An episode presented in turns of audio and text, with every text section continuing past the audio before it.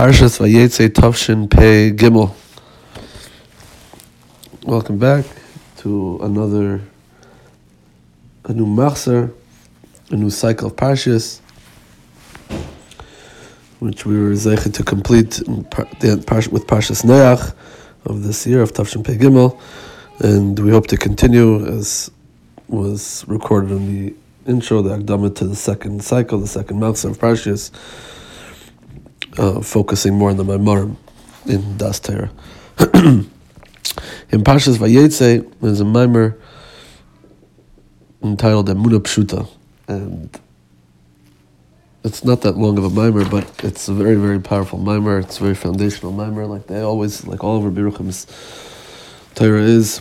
But try to be makatz, we'll try to be abbreviate what's being said here, and to put it in a more compact um, a more compact um, message, and um, get a clear understanding of what's said here.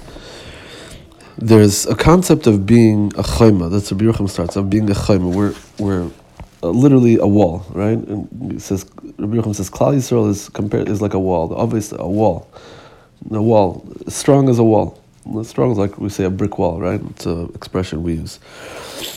And what's that used in, in, in what context? It's used in the con- context of being stark, of being strong in Amunah. And he says a very interesting thing.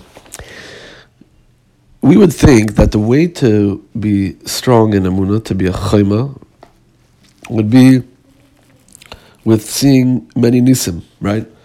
if we would, if you were to ask me, which generation should have been the strongest in Amunah, which people should have been the strongest in Amunah, you would have said Moshe Rabbeinu and the Dar Hamidbar, the generation that saw, that witnessed Yitzis Mitzrayim, the generation that was Makabal the Torah, the generation, the Echle Haman, the generation that was sheltered and encompassed by the Anani HaKavod, the generation that drank from the Be'er Miriam, with the generation that witnessed and took part in the in the in the building of the first Mishkan, and the you know that that door, which is one and the same. And the truth is that that's not who's called the strongest in Amunah. The strongest in Amunah, Hashem not to say that Moshe wasn't the strongest in Amunah. Obviously, Moshe was basically the greatest person to ever live, was the greatest person to ever live, greatest Navi. But the the one who personifies Amunah in Klal Yisrael is Avram Avinu. And Avram Avinu, who's called the Eson, Avram is a Chaim of Amunah Avram Avinu did not witness the kind of things that Moshe Rabbeinu did. None of the others did, right? None of the others saw what, and no, obviously, almost no other dars either saw that. But but the others, who who are the, the, the founding fathers, literally of Klal Yisrael, they didn't see, and definitely not Avram Avinu, didn't see what Avram what Moshe Rabbeinu saw. They weren't Oila Lashamayim they weren't they, didn't have the opportunity to mukabel the Torah in Har Sinai, like like Moshe did. They didn't they didn't witness Yitzis Mitzrayim, Biyad Chazaka, Uvizrei Netuya. They didn't see the Makkos. They didn't see any of that.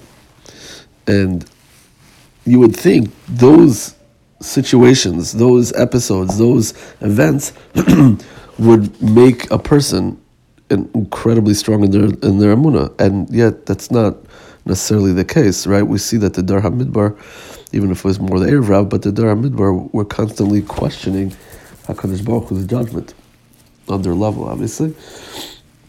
And HaKadosh Baruch Hu's ways, right? That was, it was a constant battle. All those Nisyanis. And and you don't see that by the Ovis. And Avram Avinu is who's called the Esan, who's called the Chaimah. What's the pshat? So Biruchim says a very, very, very important thing. He says that really there was two hanhagas that existed in the Dar Midbar. There was a hanhaga of, like we mentioned, of being carried by Kodesh Baruch Hu, and having everything taken care of, right?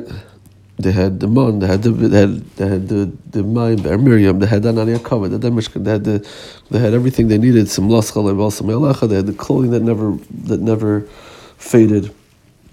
They had everything they needed. They saw they saw the, the they saw the the greatest meisim of Hakadosh Baruch Hu that were ever that ever happened until Yemaisim Mashiach, and yet, and yet there's another hanhaga that was also, um, that was also done by Hakadosh Baruch Hu, another means of how to deal with that dar, and that was Vayan Vayarivecha. That's a pasuk in Dvarim Ches, and the pasuk says that there was an inui, right? There's literally an inui. What's what's the inui? There's a they, they had to struggle through the midbar, and right this Torah says zachart laches right the pasuk says and the Navi says zachart laches and urayich avetz kol esayich lechtich achrei b'midbar sheberetz leizera right so what's that the chizuk the sorry the chizuk the the chizuk hamuna the strength the the the the, the power of the Munah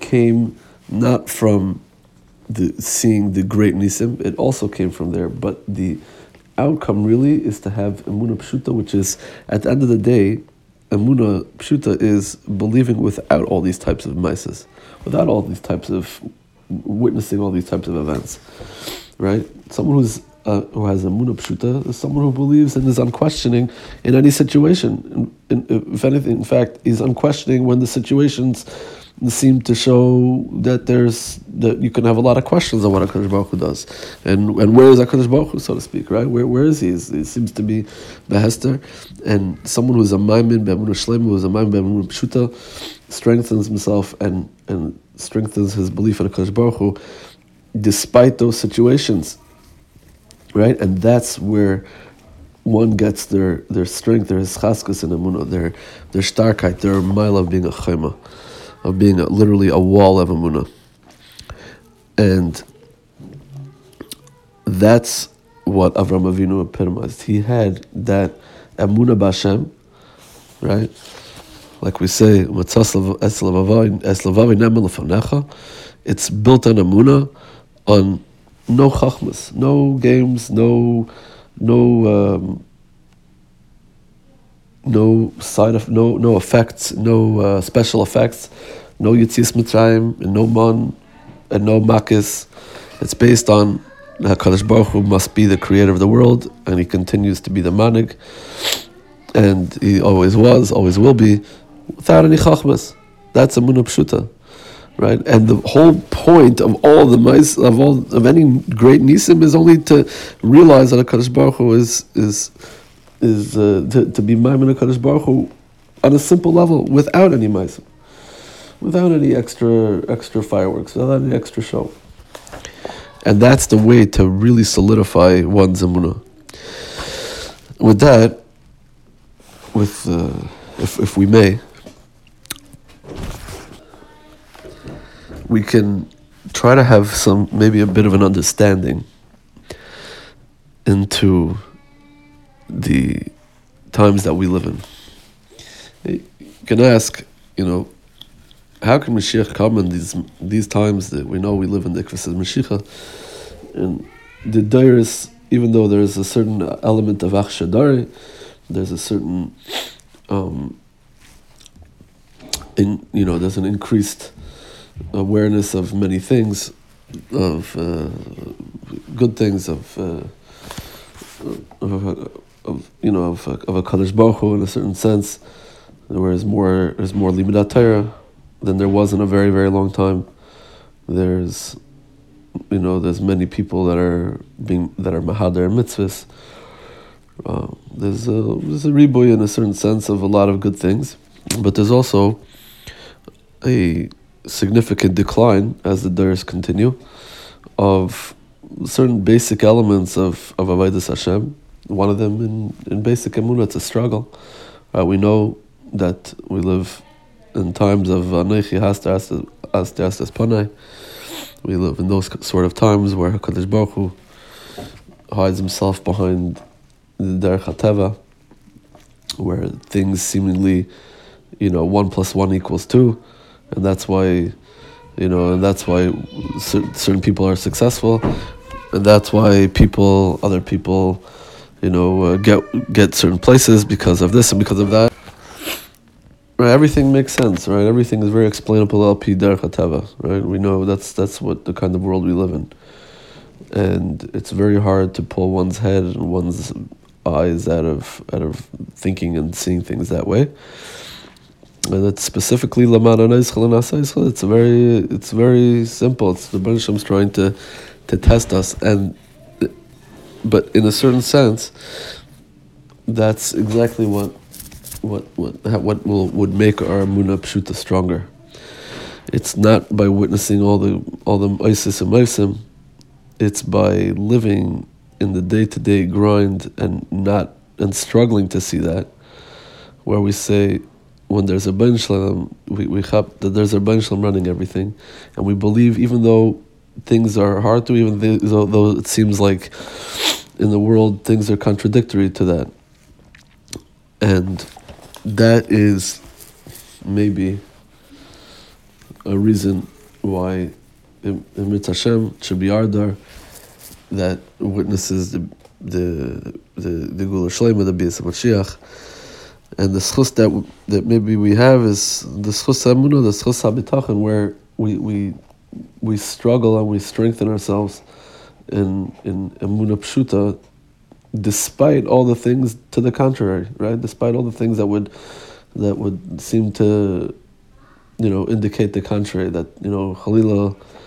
you know, Lasdim Lasdain, where's the Bain Shalom? But we, when we push ourselves to, you know, to strengthen our Amunah Pshuta and say, no, Dafka in this in these situations, in these times, where things don't, you know, things seem to work with Derech HaTeva, and we we strengthen our amuna, that's where we really strive. That's where we really attain real, real solid amuna. Because at the end of the day, like we said, it's based on very simple belief, very simple.